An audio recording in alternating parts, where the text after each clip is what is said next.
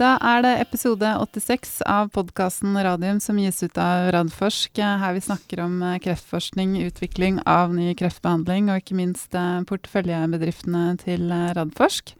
Velkommen i studio, Jonas Einarsson. Takk skal du ha, Elisabeth. Du har klart å komme deg ut av USA?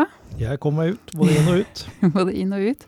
Sammen har, med 40 000 andre. Ja, ikke sant. For du har vært på ASKO, og derfor skal, heter det faktisk denne episoden her 'Høydepunkt fra ASKO'. Eh, som er da verdens eh, største kliniske kreftkonferanse. Um, det er ikke bare du som skal prate om hva som har skjedd der. Vi har fått to eminente gjester i studio som skal gjøre det samme. Uh, hyggelig å ønske velkommen til Øyvind Bruland, professor i klinisk onkologi og kreftlege ved Radiumhospitalet. Hei, Stemmer. Øyvind. Hallo, hallo. hallo, hallo. Kommet Sånn- over jetlag og er klar for intervju. Ja, så bra. Og så Erik Digman Wiklund, chief business officer i Targovax. Velkommen. Takk. Ja. Hyggelig å være tilbake igjen. Ja, så bra. Det er ikke så lenge siden du var her, Erik. Det er litt lenger siden du var her, Øyvind. Ja, Da var du her med din, eh, hva skal man kalle det, partner in crime, Roy Larsen. absolutt. Ja, og da er det kanskje noen som tenker Algeta, Nordic Nanovektor og Onkelvent. Ja. ja. Men jeg spilte piano også, husker du? Ja. det var 30-årsjubileet til Radforsk, for de som ikke var der. Eh, men vi skal snakke om ASKO, men vi må kort ta ting som har skjedd eh, siden sist, eh, Einarsson. Det føles ut som en evighet siden, men eh, Ultimox eh, Det er ikke så lenge siden Ultimox gikk på børs. Det var vel 3. juni? Det var dagen før jeg reiste til ASKO, Askøy, ja.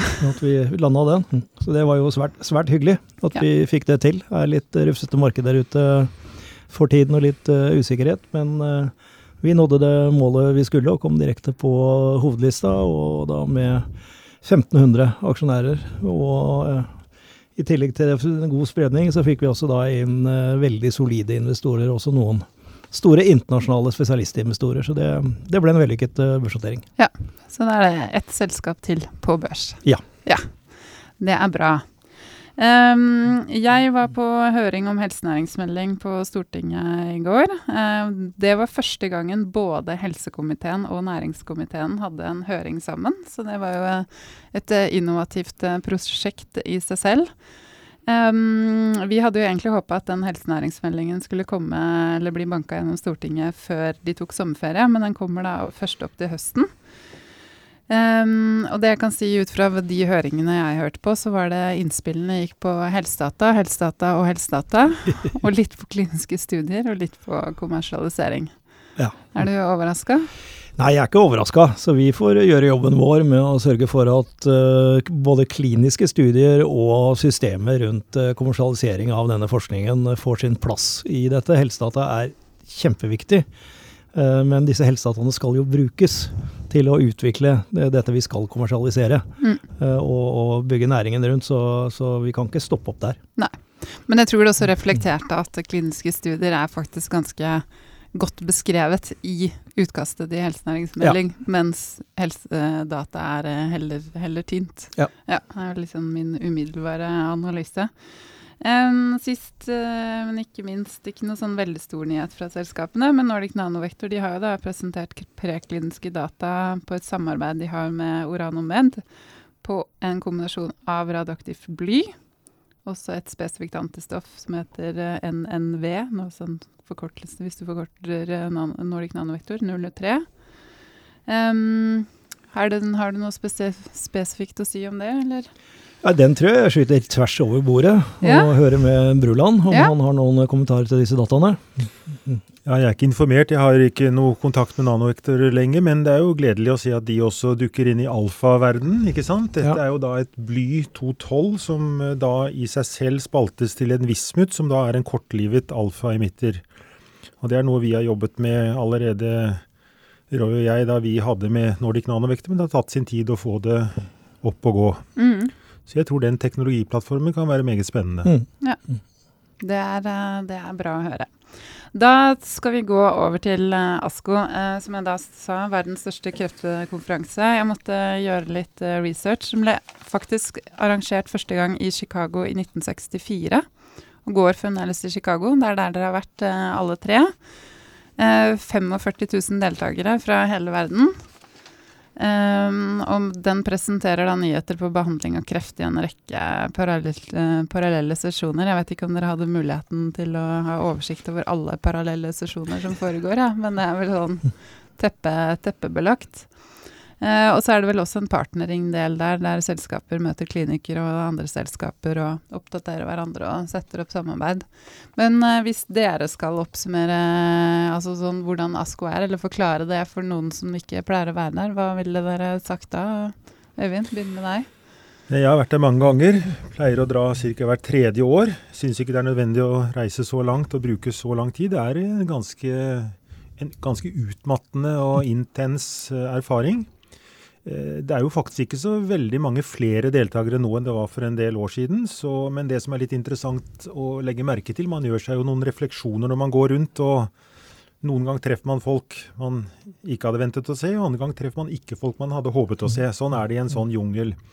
Men det som er interessant, er at det der enorme utstillingsarealet det blir jo større og større og tettere og tettere, og du ser snart ikke skogen for bare trær. Mm. Og Det symboliserer litt hvor vi står i kreftforskning og translasjons- og kreftbehandling nå, med tanke på kliniske studier.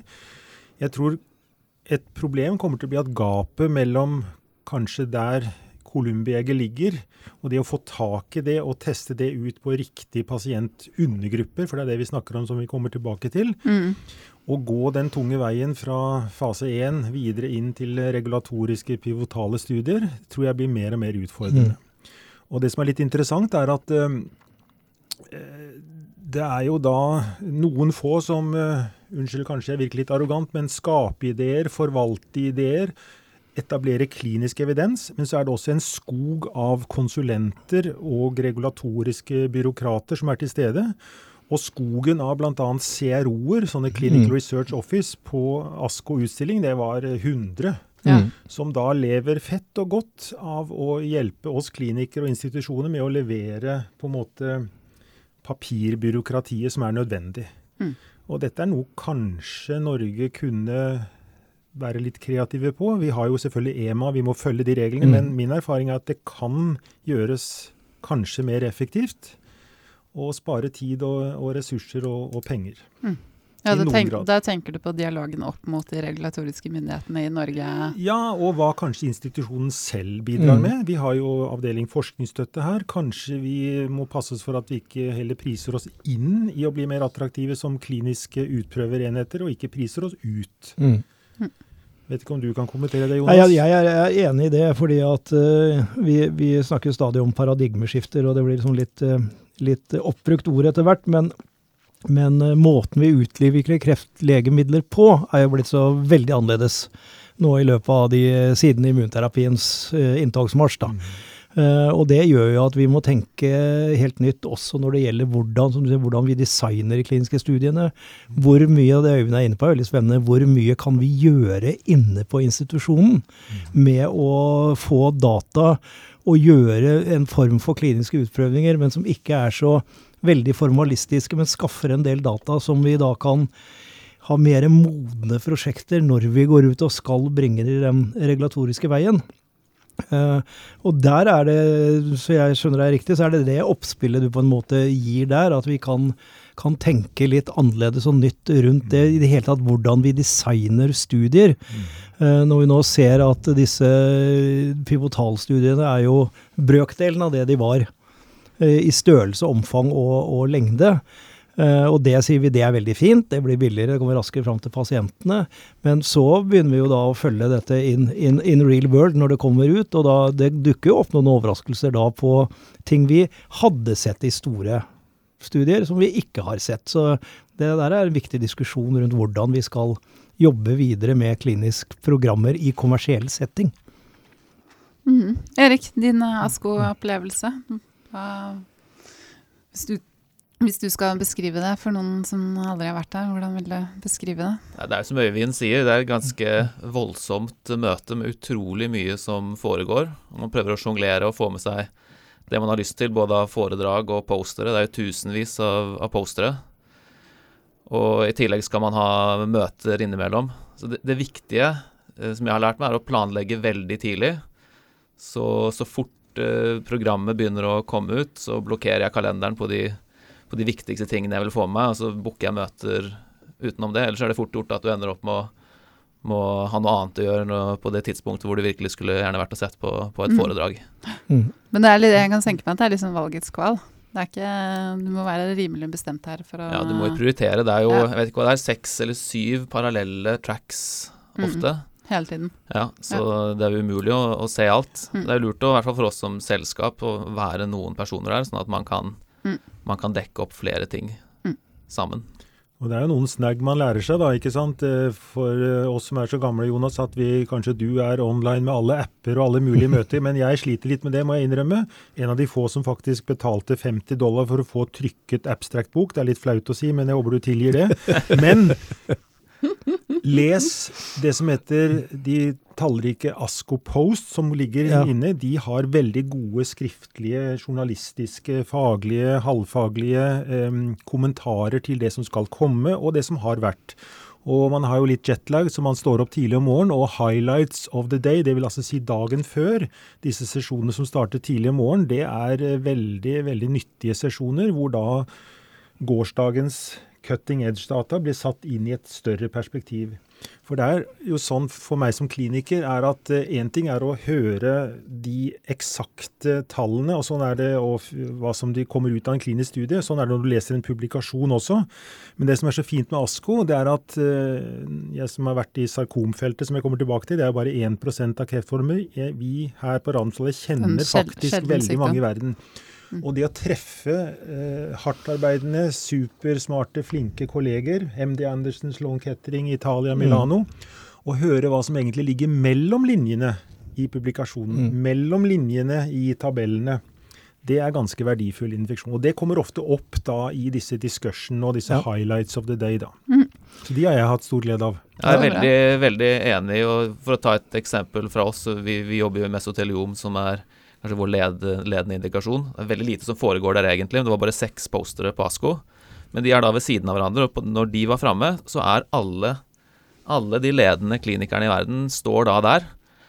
og oppdaterer seg på ja, siste og, nytt. Og bare være der da et par timer og diskutere, og akkurat som Øyvind sier, få høre litt hva er det som er mellom linjene her, hva tror de egentlig, mm. hva bruker de, hva gjør de, osv. Utrolig verdifullt. Mm. Så man, må, man bare må være til stede. For det er alltid masse confounders i pasientseleksjon, i valg av endepunkter. Det er en, en, jungel der også som det ikke er alle gitt å forstå til bunns. Mm. Men du da, Einarsson? Hva Jeg er litt privilegert her, jeg da. Altså, vi, det var jo mange her der borte, både av, av våre klinikere og ikke minst fra selskapene. Men skulle jeg ha noe, noe, dialog med de, så måtte jeg være ute på middag på kvelden. fordi de, de syns jo ikke ellers. De er jo enten i møter eller løper, løper rundt omkring. og Jeg fikk jo snakka med en del av de som var fra selskapene våre, og det er jo ingen tvil om at den møtevirksomheten som foregår på bakrommet, eller uh, utenfor akkurat der hvor man har uh, forelesningene, den er, er, for selskapene våre svært viktige. Mm. Uh, ikke bare det at de møter Big Farah, men også at de får anledning der til å møte disse Key Opinion Leaders, som kanskje leder et program for selskapene. Er, er hovedutprøver, og får anledning til å møte de og kanskje samle flere av de på en gang, siden alle er der allikevel. Mm.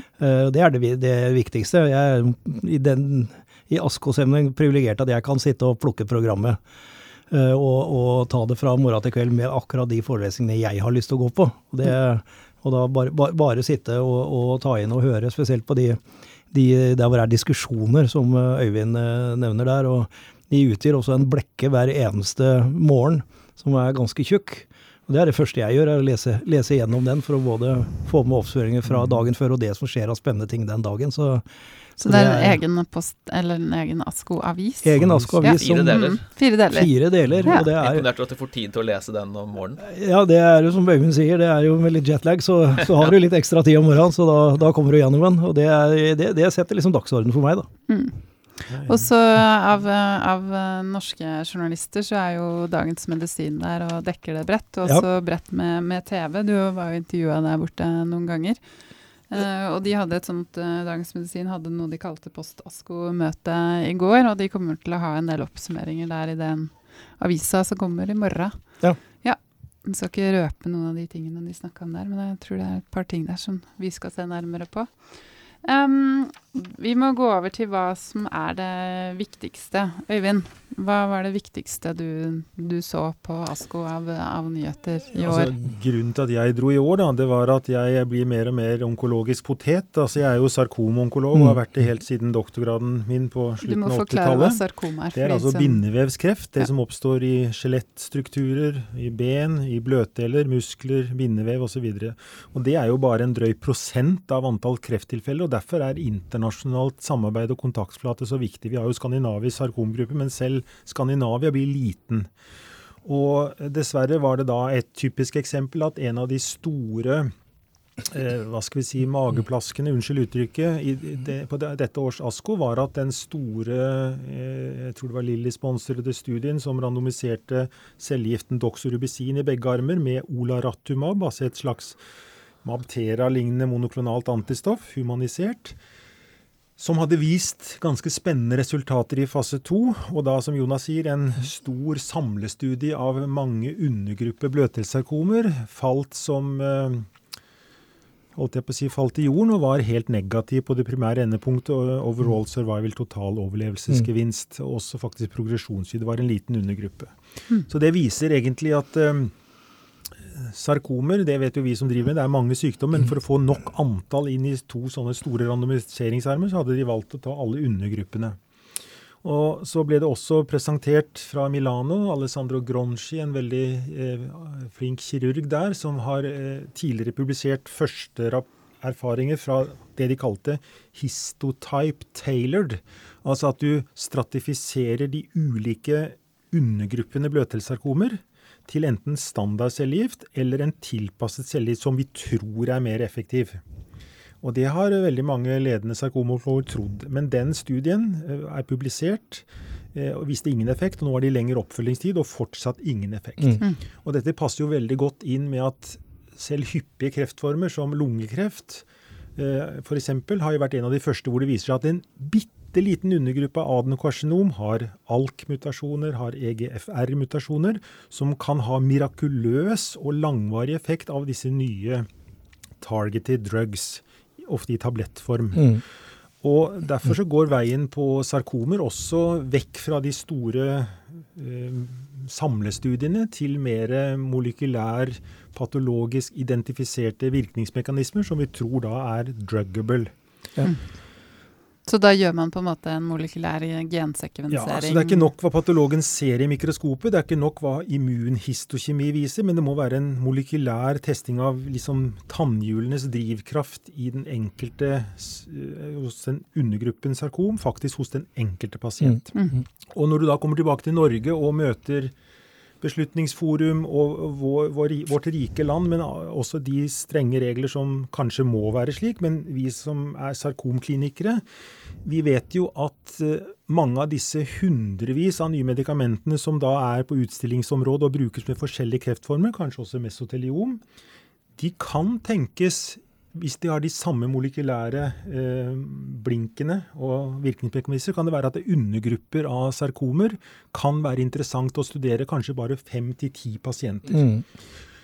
Og legemiddelindustrien kommer aldri til å generere sånne studier ved sarkomer. Det er ikke marked, det er for Nei. vanskelig osv. Mm. Og Derfor så håper jo vi på nærmest sånne fase null eller akademiske studier hvor vi da får free drug, og vi får lov både av SLV legemiddelmyndighetene, men også faktisk lov av egen institusjon.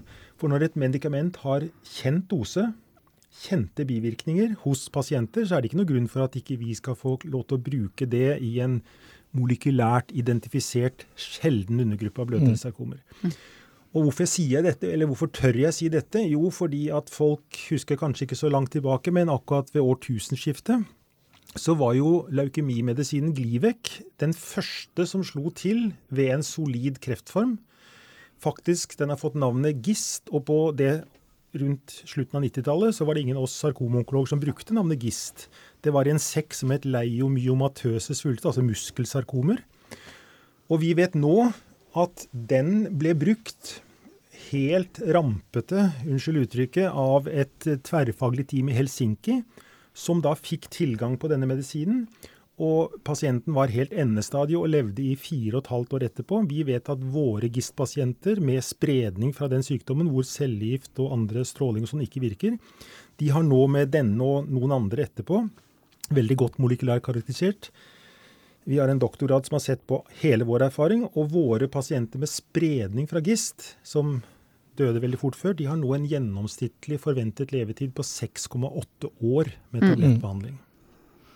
Så hvordan man lærer å utvikle ny medisin, det er ikke sikkert at man alltid må følge, følge boka helt når det gjelder slike ting. Vi trenger flere sånne rabiate slimykere som deg og andre, som tør, tør å gjøre og tenke litt utafor boksen. Det, og det tror jeg kanskje er den største sånn takeawayen fra meg også der, er, er den fokuset nå på molekylære patologi. Mm. Uh, og at det, det, er kanskje fremtidens diagnose. Er bygd på molekylær patologi og ikke på hva du ser i mikroskopet.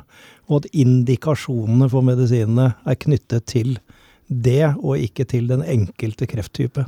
Så vet vi da at patologene ved Oslo universitetssykehus er ikke i stand til å levere oss det molekylære bildet. Det er så ressurskrevende. Det er ikke penger nok, det er ikke teknikere nok, det er ikke patologer nok til å mm. gjøre den jobben. Det er kanskje en av flere grunner til at ikke vi kanskje kan være med på mange av de cutting edge kliniske eh, studiene som nå startes opp. Mm. Det er allerede det. At det er krav til, eh, til molekylær patologi mm. som i inklusjonskriteriene mm. til nye studier, hvor vi ikke kan være med. For nettopp som du sier, vi kan ikke levere det per i dag. Så det er en utfordring. Ja, det burde jo vært standard i Norge òg, som det er standard ja. i Danmark og Sverige.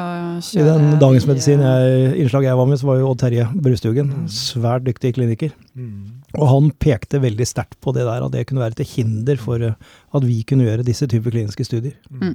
Ja, Både når det gjelder sekvensering, genetisk sekvensering av, av svulstene, men nå kom jo også for fullt eh, det man kaller liquid biopsies, altså mm. DNA i, i, blod, som allerede blir brukt aktivt klinisk i, i USA som, eh, som, et tillegg her. som jeg tror de aller fleste som lager nye studier nå, egentlig krever i protokollene sine at man har både en både sekvensering av tumoren og også av, eh, av DNA i, i blod. Mm. mm. Så vil jeg gjerne legge til det, det, som, det, som, Jonas eh, var inne på her. Det var eh, noen ganske interessante data som ble presentert i lungekreft med, med pembrolizumab, altså Keytruda, som jo er godkjent. Sjekkpunkthemmer. Nettopp. Ja. Sånn PD1-hemmer. Mm. Som er godkjent i lungekreft og veldig effektivt. Fungerer i noen pasientgrupper som monoterapi, og i andre sammen med kjemoterapi. Det var en stor studie de har gjort med, med, med 600 pasienter, hvor de har gjort sånn her genetisk profilering, og så har de sett på hvem som har effekt og ikke. Så fant de to konkrete gener. Hvis du har mutasjon i de to genene, så er det null effekt mm. av Keytruda pluss kjemo. Mens pasienter som har wild type, altså ikke har mutasjon i de genene, fantastiske responser. Mm. Og mm. dette her er jo uvurderlig informasjon å ha. Du kan jo predikere i forkant hvem som kommer til å ha respons og ikke. Ja, og det er jo den store utfordringen med Nettopp. immunterapi. Men, og det andre er jo at når man gjør små studier, så vet man jo ikke hvem man, hvem man får inn. Vi gjør noen studier med 12 pasienter, kanskje 30 pasienter. Mm. Hvis du har uflaks og får inn mange pasienter med en eller annen spesifikk mutasjon som gjør at ikke medisinen kommer til å virke, så er det jo potensielt mm. helt detrimentalt for, for studier. Mm. Så, så, her skjønner vi for lite sånn som det er nå, og det er utrolig viktig fremover å begynne å kartlegge mm. uh, hvilke genetiske markører som, som, kan brukes i hvilke kontekster. Mm. Viktig, viktig, å få med seg eh, helsevesenet og myndighetene på det med, med, biomarkører, både genetiske og, og molekylære. Um, viktigste nyhetene som du tok med deg, Erik? Egentlig så var det ganske lite på immunterapi mm. denne gangen. For en ja, fire-fem år tilbake så var det veldig mye med sjekkpunkthemmerne. Mm. Da var det det skulle løse alle problemene. Eh, det gjorde det ikke. Det fungerte veldig bra som monoterapi i noen spesifikke krefttyper. Og så har det vel de siste par årene vært mye sjekkpunkthemmer i kombinasjon med kjemoterapi. Um, spesielt lungekreft igjen i fjor var det, var det bra ja. data der. Eh, men egentlig så var vel kanskje det, det mest spennende jeg så, var den, den, her genetiske studien som jeg nevnte, som viste at der, du har noen konkrete mutasjoner hvor pasienter ikke responderer i det hele tatt. Mm. Eh, det andre man kanskje kan nevne, var at eh, Keynote 001-studien. Altså Merck kaller alle sine Kitruda-studier for Keynote, og så har de et nummer. Og 001 var da den aller første. Og den var i Det var vel flere kreftformer der, men det var hovedsakelig lungekreft. Og de rapporterte nå fem års overlevelsesdata fra, fra Keynote 001 i, i non-small cell eh, lung cancer. Ikke småcellet lungekreft. Nettopp. Ja. Og på fem års overlevelsespunktet så viste de at i forhold til kjemostandard og care kjemoterapi, så før så var den forventede overlevelsen ca. 5% femårsoverlevelsen. Og med, med Keytruda pluss kjemo så treffer de 23 ja. femårs overlevelse. Ja. Og dette er jo altså Foruten pankreas så er lungekreft den aller verste kreftformen med høyest dødelighet. Og egentlig veldig lite fremdrift uh, gjennom de siste årtiene.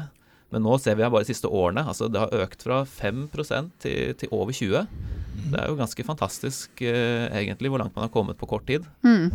Og hvis man nå legger på det man begynner å forstå mer av, av genetiske markører her, så, så, kan man sikkert løfte dette ytterligere når man behandler de riktige pasientgruppene. Ja, for jeg har inntrykk av at sånn lungekreft er litt sånn tilsvarende du sier det er på sarkom. Det er veldig mange forskjellige mutasjoner, så du må mm. på en måte gjøre en sånn type kartlegging for så å se hvilken medisin ja, du kan prøve lungekreft ut. og hudkreft spesielt er forårsaker av det vi kaller eksterne mutagener I hudkrefttilfeller er det sollys. Når solen egentlig skader DNA, så får du akkumulerer det mutasjoner i DNA, så blir det til kreft. Og i lungekreft så er det gjerne luftforurensning, røyking osv. Som, som fører til det. Og det er, spesielt disse kreftformene er, er, har en veldig høy rate av genetiske mutasjoner. Mm. Einarsson, viktigste du så? Nei, Jeg tror det er de tingene vi egentlig har vært inne på nå. Dette med molekylær patologi og, mm. og hvilken rolle det får. Og vi begynner liksom å komme inn resultater som de som eh, Erik eh, nevner. Som gjør at man tar det mer og mer på alvor. Og jeg tror dette kommer til å få innvirkning på hvordan vi bruker medisinene, mer enn at det kommer helt nye medisiner eh, fremover. Og vi skal kanskje legge enda større vekt på det. Eh, og, og da få en større prosent med responser og gode kliniske effekter på en undergruppe som vi vet får god respons, og ikke minst når vi kanskje nå begynner å få markører som vi kan si at dette får du ikke effekt av. Vi starta ut med den PDLN-ekspresjonen på, på, de første uh, checkpoint-inhibitorene og trodde at det skulle være markøren og starta liksom med bare de som hadde mer enn 50% uttrykk. Men vi vet jo at det er en del av de som selv er helt nede i 1% som fortsatt har effekt. Så det, det, er ikke god nok markør til å skille gjennom. Så er det vel, bare For å kommentere ja. på det, så er det vel Nå begynner det å bli klart at det egentlig bare er lungekreft hvor PDL-nivå fungerer effektivt som en, som en markør. F.eks. Mm. i melanom så, ja. så, er det jo over det hele der er det ikke prediktivt på samme måte i det hele tatt. Mm. Men Nei. i lungekreft er det jo en FDA-godkjent eh, markør nå. Mm. Ja. ja. Jeg tror det er det, og så var det en del nye ting i, i, forhold til når man skal sette inn immunterapi. Altså ikke startet jo ut med det som det aller siste eh, vi brukte når vi gjorde de første studiene. Uh, mens det flytter seg tidligere og tidligere frem nå. Man snakker om neoadjuvant behandling i lungekreft bl.a. var en studie på som, hva, som så hva, veldig spennende ut der. Hvordan vil du forklare det? Neoadjuvant? Du, du, oppdager en svulst i lungen, du fjerner svulsten. Uh, og det man har gjort hittil, eh, er å vente til den kommer tilbake. Hvilket den nesten alltid gjør. Men nå er det snakk om å da gi immunterapi når du har fjernet alt, alt kreftvev du ser. Uh, så du, først, du først kirurgi, og så ja. immunterapi. Ja. Det heter ja. egentlig adjuvant, for neoadjuvant starter du før operasjonen. Takk skal du ha, Øyvind. Og det var data på begge deler. Så ja, begge deler, ja, men det er en viktig presisering, det. Ja. sånn at aller først, før du i det hele tatt tar bort en svulst, altså da fysisk, så mm bruker du immunterapi. Ja. Det er Grunnen til at jeg spør, var fordi Steinar Omdal snakka en del om det her på, på postaskomøtet til Dagens Medisin i går. og Det var tydeligvis det han var mest begeistret for. Okay. Som jeg ikke helt liksom skjønte greia. Men uh, forklar litt, grann, Øyvind, hvis du ja, Jeg vet ikke om jeg kan forklare det. Men bare det. sånn rekkefølgen i det. For det, det er jo liksom begreper som ikke alle får med seg, eller veit hvordan man gjør i, i klinikken. Altså, Det er vel kanskje riktig å si at vi er vel fortsatt i liksom første generasjon av immunterapi. Vi har jo hørt om immunterapi i flere tiår, og nå har vi fått liksom den første virkelige eh, grunnmuren på plass. ikke sant? Hvor mm. det er mm. noen grupper som vi hos hvert fall én kan predikere. Men det foregår nå kombinasjonsbehandlinger med flere immunterapeutika. Og så foregår det studier med immunterapi og klassisk kreftbehandling, f.eks. cytostatika.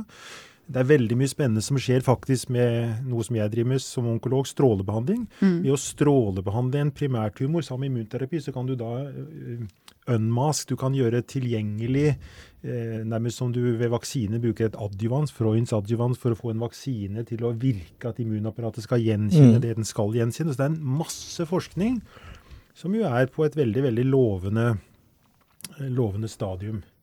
Ikke sant? For at uh, hittil har jo nesten ingen suksessfulle behandlinger for metastatisk kreft vært monoterapi. Kanskje testikkelkreft, et underkreft. Det er jo alltid kombinasjoner av cytostatika. Sånn kommer det sikkert til å bli med immunterapeutika og Mm. tyrosinkineser og andre også etter hvert.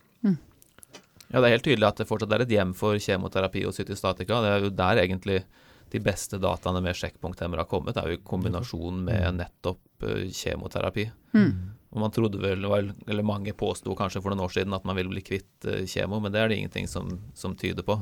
Det virker fortsatt og er veldig effektivt å redusere størrelsen på svulster. Mm. Så det er vel der man har mest av disse kombinasjonsdataene. Nå foregår det jo en hel masse studier med kombinasjon av forskjellige immunterapier. Det er bl.a. det vi driver med i Targovax. Jeg skulle ikke spørre deg om det. Og, Hvor er liksom dere i det landskapet der? Ja, Vi driver med det som man kaller immunaktivatorer, som du behandler med før du kommer inn med andre immunterapier eller kjemo, for å eh, iverksette immunsystemet til å kunne reagere på en annen behandling etterpå. Litt, litt eh, tilsvarende som, som Øyvind eh, nettopp nevnte med, med radiologi. Og der foregår det en hel masse, men det meste er veldig tidlig. Eksperimentelt. Fase 1, kanskje noen ting i fase 2. Så det var vel kanskje litt skuffende at ingen nesten hadde noe særlig rapporter av det på ASKO. Mm. Men vi har vel kanskje sett en trend at eh, de, de, disse immunkombostudiene som er tidlig fase, har, har en tendens til å heller rapportere på noen andre møter, sånn som det som heter SITSI, som er om høsten. Mm. Så det er mulig at det, det kommer mer der. Ja. Uh, og så har de mer senere fase, større studiene uh, rapportert ut på, på ASKO. Så det er litt sånn i forhold til hvor, hvor de selv velger å publisere de dataene de har. Så Ja. velger de heller Ja, de liksom li- mer spesifikke ja. immunonkologi. Og det er litt sånn fokuset, eh, ja, litt ja. fokuset på de konferansene òg. Eh, på den eh, som nå er på sitt fjerde eller femte år, en eh, ASCO sitt clinical eh, immunoncology, som eh, er eh, i USA i, som regel i mm, januar-februar. Skifte. Der eh, har jeg vært de par siste årene, og der har det vært veldig mye fase 1-2-studie. Eh, data. Men for å liksom få et gjennomslag på ASKO, så må du, må du ha noe mer enn en indikasjon. Du må vel ha mer, mer eh, krutt i dataene dine. Dette kan du mer om enn meg, Øyvind. Ja, og så er det liksom å eh, bli hørt i det store koret, ikke sant. Ja. Og du kan si hematologer, både de som driver med leukemi og lymfom, de reiser jo til Æsj. Mm. Ja. De reiser ofte ikke til ASKO. Det er klart, får de en keynote lecture, så kommer de nok til ASKO.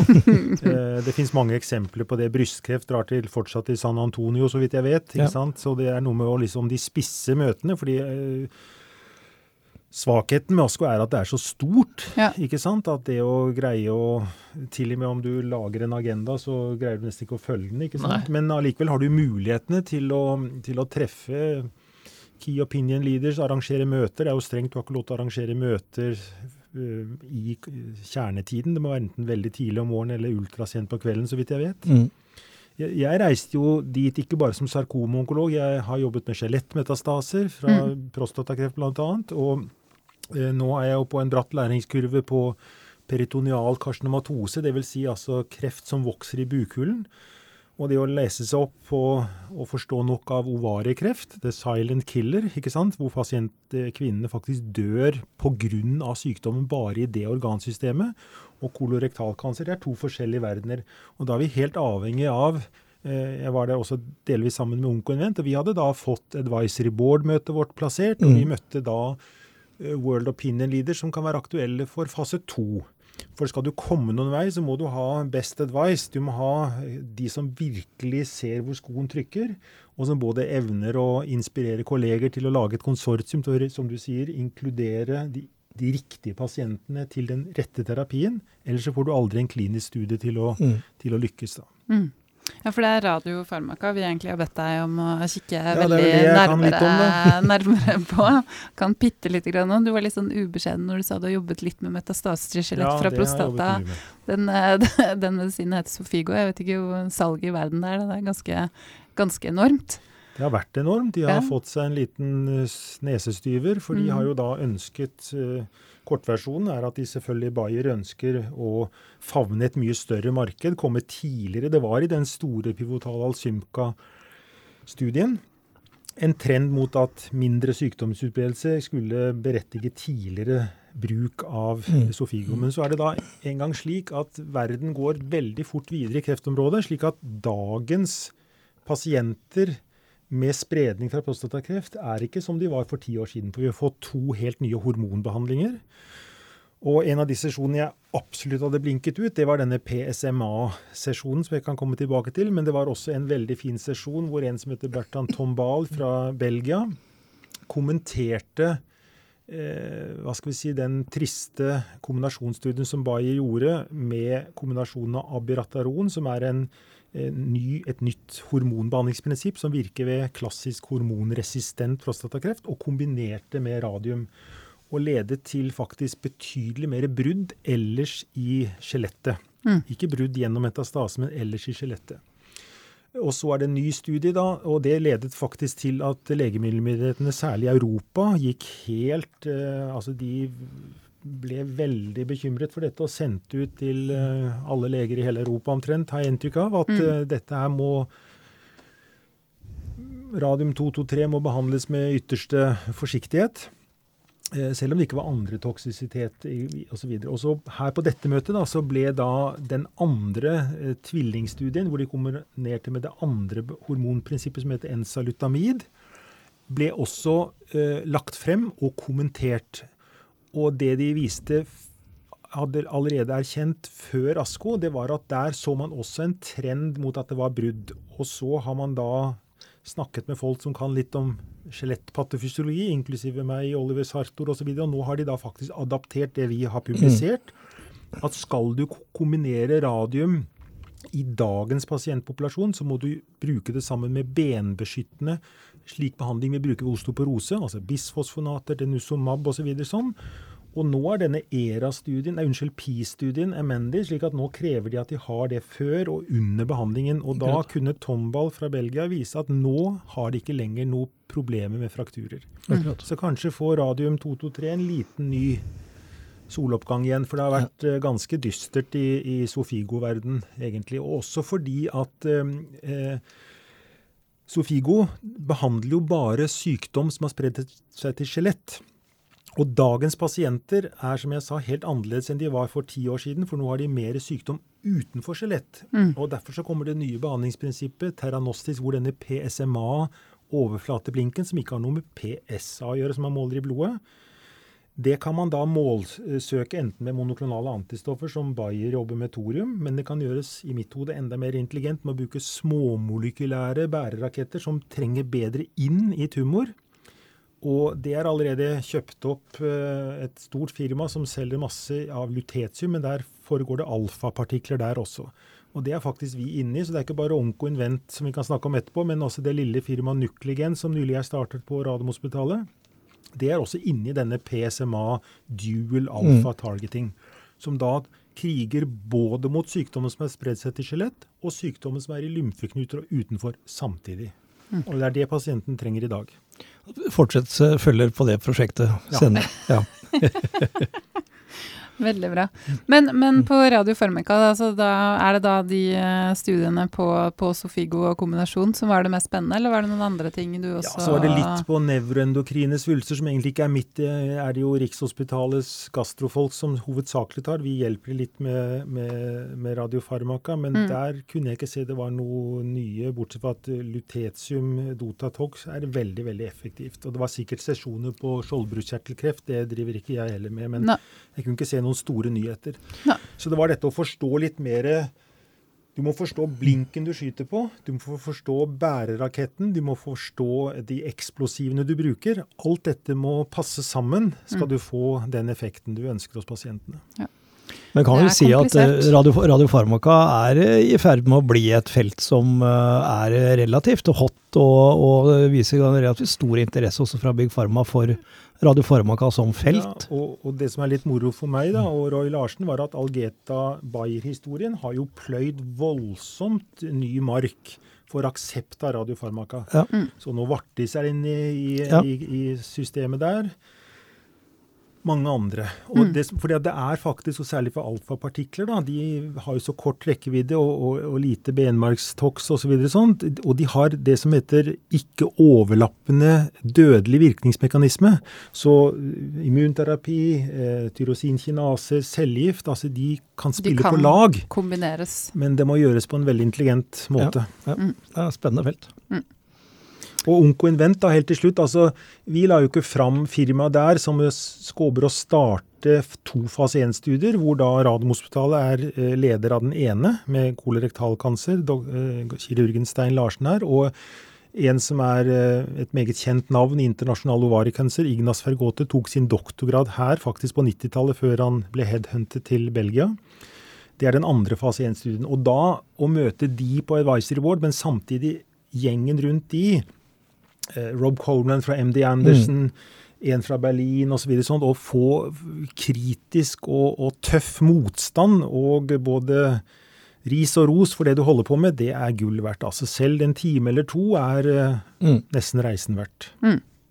Og det greide vi å få til. Så vi Ja. er eh, in business. Det er Så bra. Eh, hvis vi går da til mer sånn klinisk behandling av kreft eh, og kreftpasienter her i Norge, hva er det man bør, bør ta med seg inn der? Var det noe du merka deg, Erik? Jeg tror det som vi nevnte her før, at eh, det begynner å bli så viktig å få eh, DNA- og RNA-sekvenseringsdata i tillegg til, til liquid biopsies på pasientene. At man begynner å bruke det rutinemessig i Norge blir nok viktig for å være attraktiv eh, for kliniske studier. Mm.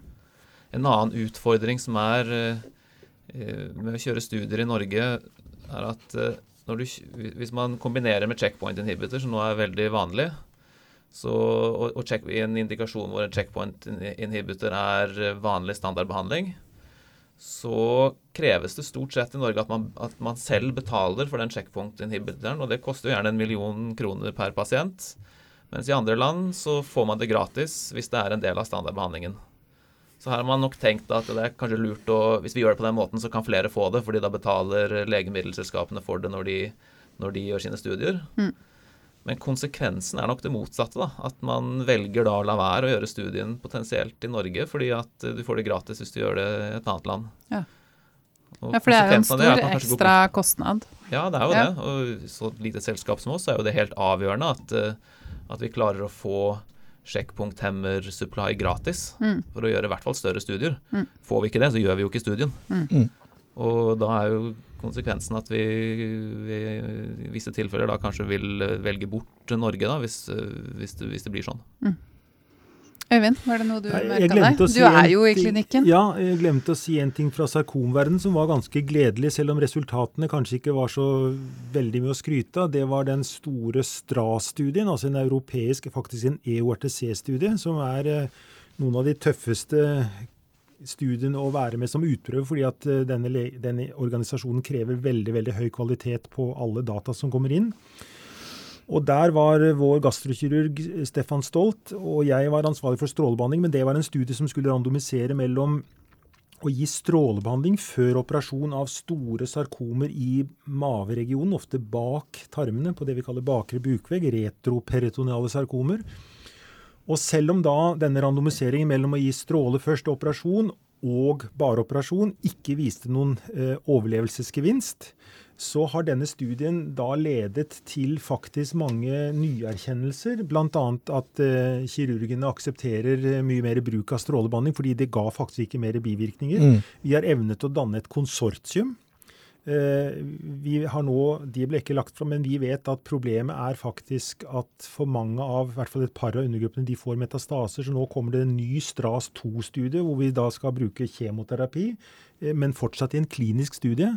Så, så, så det er ikke alltid at et formelt negativt resultat er en dårlig nyhet i, i kliniske studier. Mm. Og Stras, det var en kirurg fra, eh, fra Paris som la dette fram, Sylvie Bonvalot.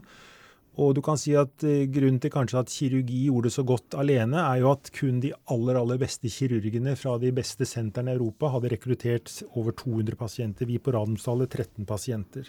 Mm. Så vi var faktisk et stort senter, og det er en liten fjær i hatten til, Ja. til Radiumhospitalet mot resten av Europa. Så nå er det også amerikanere som kommer inn, og de fra Canada. Så dette blir en stor satsing og viktig nyhet i sarkomverdenen. Einarsson, var det noe du merka, merka deg? Uh, nei, jeg tror altså jeg, jeg, Det viktigste for meg er, eh, og jeg er jo svært opptatt av at vi skal kjøre våre kliniske studier uh, her i Norge. Både med våre egne selskaper og, og med de store internasjonale. Uh, og da er det dette som vi har vært inne på flere ganger nå, med molekylærpatologien, og at vi må nødt til å henge med der. og det, det håper jeg virkelig at det blir en relativt rask forståelse for. Og det trykket tror jeg bare må komme først og fremst fra klinikeren. Mm. Som må være helt tydelig og si at vi får ikke disse studiene hit hvis ikke vi henger med på dette. Eh, og, og få da en forståelse uh, fra det, og så da legge til rette for disse kliniske studiene. Og det Erik er inne på der, det er med, med betaling for checkpoint-invitør. Eh, ja, vi har flere selskaper som har lagt studien til utlandet pga. det.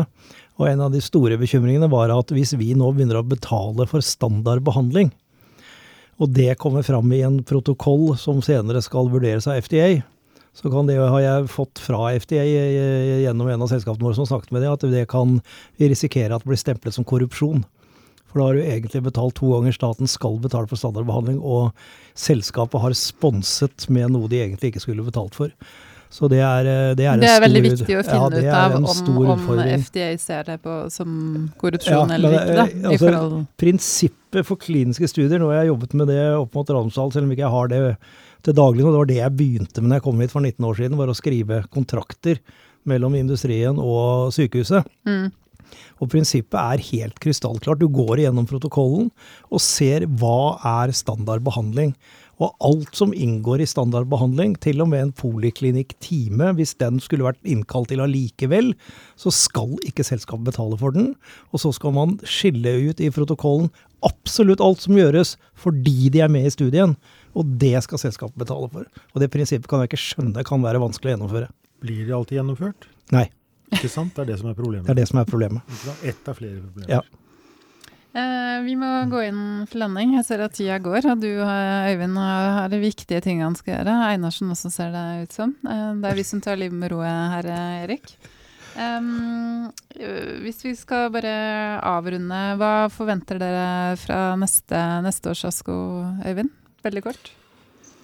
Ja, altså jeg tror at det som kommer til å skje, om det ikke ved neste ASKO, som kanskje det deretter, det er Mm. at det blir mer eh, fokus på eh, stadig summen av små nyvinninger, som gjør at kostbar medisin gjør at flere og flere pasienter med spredning fra kreft kan leve med Det er et dårlig begrep. Kronisk kreft er et dårlig eh, begrep. Mm. En stabil sykdom. Ja. Mm. Gjerne på en tablett som kan være godt tolerert, men også kan ha til dels helt ukjente bivirkninger for oss eh, onkologer. Helt andre enn cellegift og hormonbehandling. Immunterapi har sine, som du vet veldig godt, Mm. Erik. Og, og dette skaper jo da utfordringer på bivirkningssiden, fatigue, det å leve, til og med psykologisk, det å leve med en tikkende bombe i tre måneder, i ett år, i tre år. Mm. Du er Det ikke å ikke kurert. vite, ikke sant, Det den å ikke usikkerheten. vite. Mm. Kanskje skal andre faggrupper inn enn leger og sykepleiere. Eh, hvordan forvalter vi og bruker vi helseressursene best? Mm. Men så er det da selvfølgelig det at kostnadene er jo helt avsindige. Altså perspektivet for kostnadene til dette er jo ganske store. Men nå er det nå engang sånn, i hvert fall min erfaring som kliniker, er at det tar ofte ikke mer enn to, tre, fire måneder, to måneder på behandling X som koster 1000-2000 kroner dagen i tablett, for å se om det virkelig virker. Og dessverre er det bare noen få grupper det virker hos et veldig høyt prosentantall av pasientene. Så et rikt land som Norge mener jeg kunne ha råd til å bruke dyre medisiner for å etablere og finne ut hvem som har nytte av behandlingen. Hvis vi da ikke kan nå det målet ved molekylær karakterisering. Jeg er Mm. kanskje litt skeptisk til noe av det, men druggable targets tror jeg veldig, veldig på. Jeg er helt enig, man må nok begynne der, fordi det tar lang tid å finne ut hva som er eh, riktige molekylære markører, Mm. og det er veldig mange av dem, så det det vil jo ta tiår før, vi- før vi vet nok. Og Men- da må man prøve å feile fram til da. Hvis jeg bare krystallkule og spå om fremtiden, det skal man mm. ikke gjøre. Men det som da er min bekymring, når jeg hører altså hvor høy temperatur det er på disse store amerikanske sentrene, som later som om de forvalter en vanlig pasientgruppe, altså en vanlig type pasienter, de gjør jo ikke det. De er betalingsvillige, de, altså de har helseforsikringer. Det er en enorm kostnadsspiral. Mm. Og gapet mellom Jeg tror at fremtiden vil vise at gapet mellom det optimale og det som er praktisk gjennomførbart for den enkelte pasient, også i Norge, kommer til å bli større og større. Ja. Og det som jeg har eh, hevdet noen ganger, det er at ingen i rike Norge, selv om vi har pakkeforløp, forsker på hvor mange pasienter i Norge mister vi dør hvert år pga. helt klart suboptimal primærutredning, diagnostikk, primærbehandling osv. Slike ting. Ventetider osv. Mm. Vi vet fra hode-halskreft at ventetid kan være dramatisk. Det er dårlig studert. Amerikanerne er på hugget. De vil gjerne ha de har drive, sånn at eh, de har mye mye kortere ventetid for de få i prosent som da kan betale og komme seg inn. Så, så det er noe med det er mange ting vi må kanskje De vi redder på de sjeldne medisinene, det er ikke så mange foreløpig. Selv om totaloverlevelsen i norsk kreftomsorg kanskje nærmer seg er den ikke opp mot 70 På fem år, ja. den 45-50 Ja, Det er jo et betydelig løft. Mm. Men jeg tror dessverre, jeg må si med mine 30 års erfaringer pluss, at vi mister mange pasienter i Kreft-Norge pga. ikke helt optimal primærutredning og behandling. Mm. Det Så burde en, det eh, også syste- forskes på. en systemsvikt. Ja, det er en Ja. systemsvikt. Og vi eh, Likhetsideologien er veldig flott, men Mm. noe må sentraliseres. Mm. Og når, på hvilket nivå skal det sentraliseres? Ikke alt skal sentraliseres, Mm. osv. Mm. Veldig viktig å ikke glemme det Ja. i konteksten av eh, alt det spennende og innovative som skjer. Mm. Enkle er ofte det beste. Erik, hvis du ser litt fremover, hva ser du for deg? Ja, jeg tror vel at neste år så kommer vi til å få se kombinasjonsdata med onkolytisk virus og sjekkpunkthemmer. Mm. Det syns jo vi er veldig spennende. Ja. Det første som kommer, er en fase tre-studie med Tivec, eller Imlydic som det heter fra Amgen, med, med PDN-hemmer, Keytruda. Og dataene hadde vi vel egentlig forventet skulle være sluppet allerede, men de kommer nok, eh, kommer nok snart. Og der eh, kan man ende opp med å få en ny førstelinjebehandlingsregime i, i melanom, som tar over for, eh, for monoterapi med sjekkpunkthemmer, eller kombinasjonen av CTLA4 og PD1. Så det blir veldig interessant å se Mm. hvordan, hvordan den slår inn. Det, det kommer nok til å validere onkolytiske virus som en, en klasse for fremtiden, hvis Ja. den studien er positiv. Da skjønner jeg at dere er spent. Ja, det er klart at vi er veldig spent på hvordan, eh, på hvordan det går. Ja. Eh, Så det er vel det aller, det aller mest spennende som kommer eh, neste året, sånn fra vårt perspektiv. Mm. Så er det det andre som skjer, er jo eh, at celleterapiene blir mer og mer sofistikerte. De første som ble godkjent, er mot, eh, egentlig rettet mot B-celler via det man kaller CD19-targeting. Mm. Så man har gjort eh, FDA la vel egentlig føringene der for å gjøre det på med et target som er trygt. Men nå ser man mer og mer uh, angrep mot, uh, mot mer sofistikerte kreftspesifikke mål, og også solide tumorer. Mm. Og noen har jo helt fremragende resultater i, i tidlig fase. En kjent forsker i USA som heter Steve Rosenberg, som vel er den store pioneren på dette feltet her.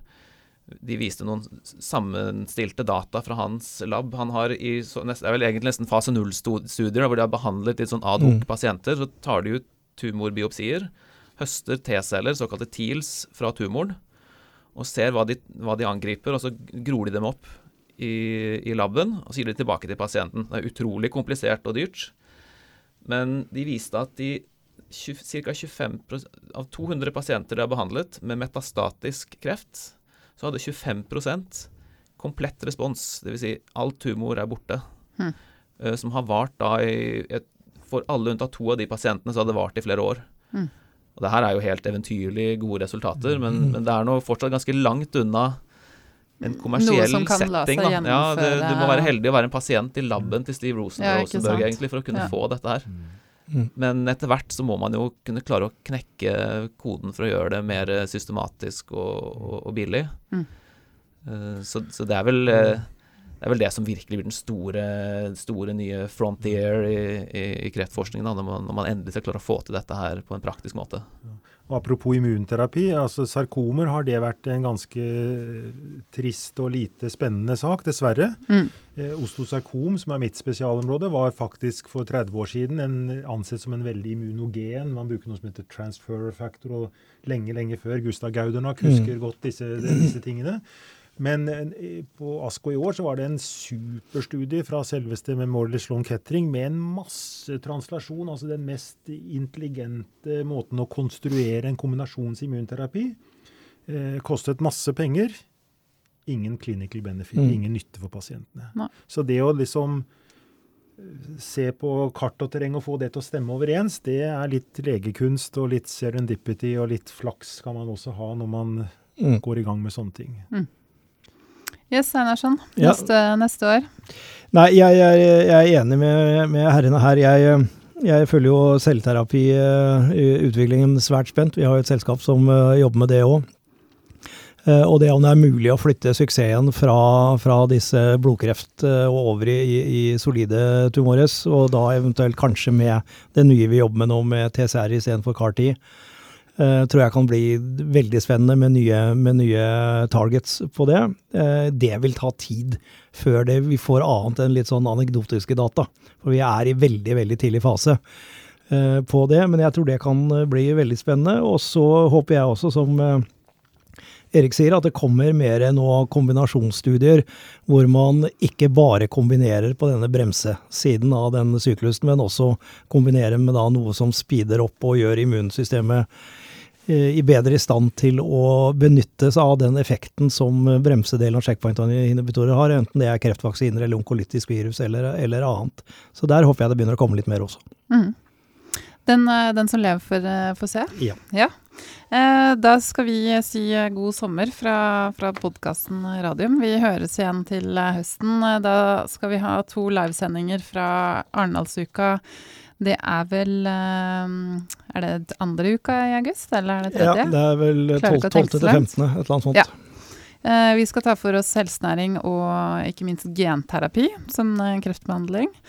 Eh, bare følg med på Facebook-siden vår eller nettsidene våre, så får du mer informasjon om det. For vi kommer til å strømme live fra Arendal, og vi legger ut de podkastene rett etterpå. Eh, fått med oss eh, spennende politikere i begge, begge de to sendingene. Eh, men da tror jeg det egentlig bare gjenstår å si takk for at dere kom i studio, og riktig god sommer. Takk, det samme. Takk for i dag.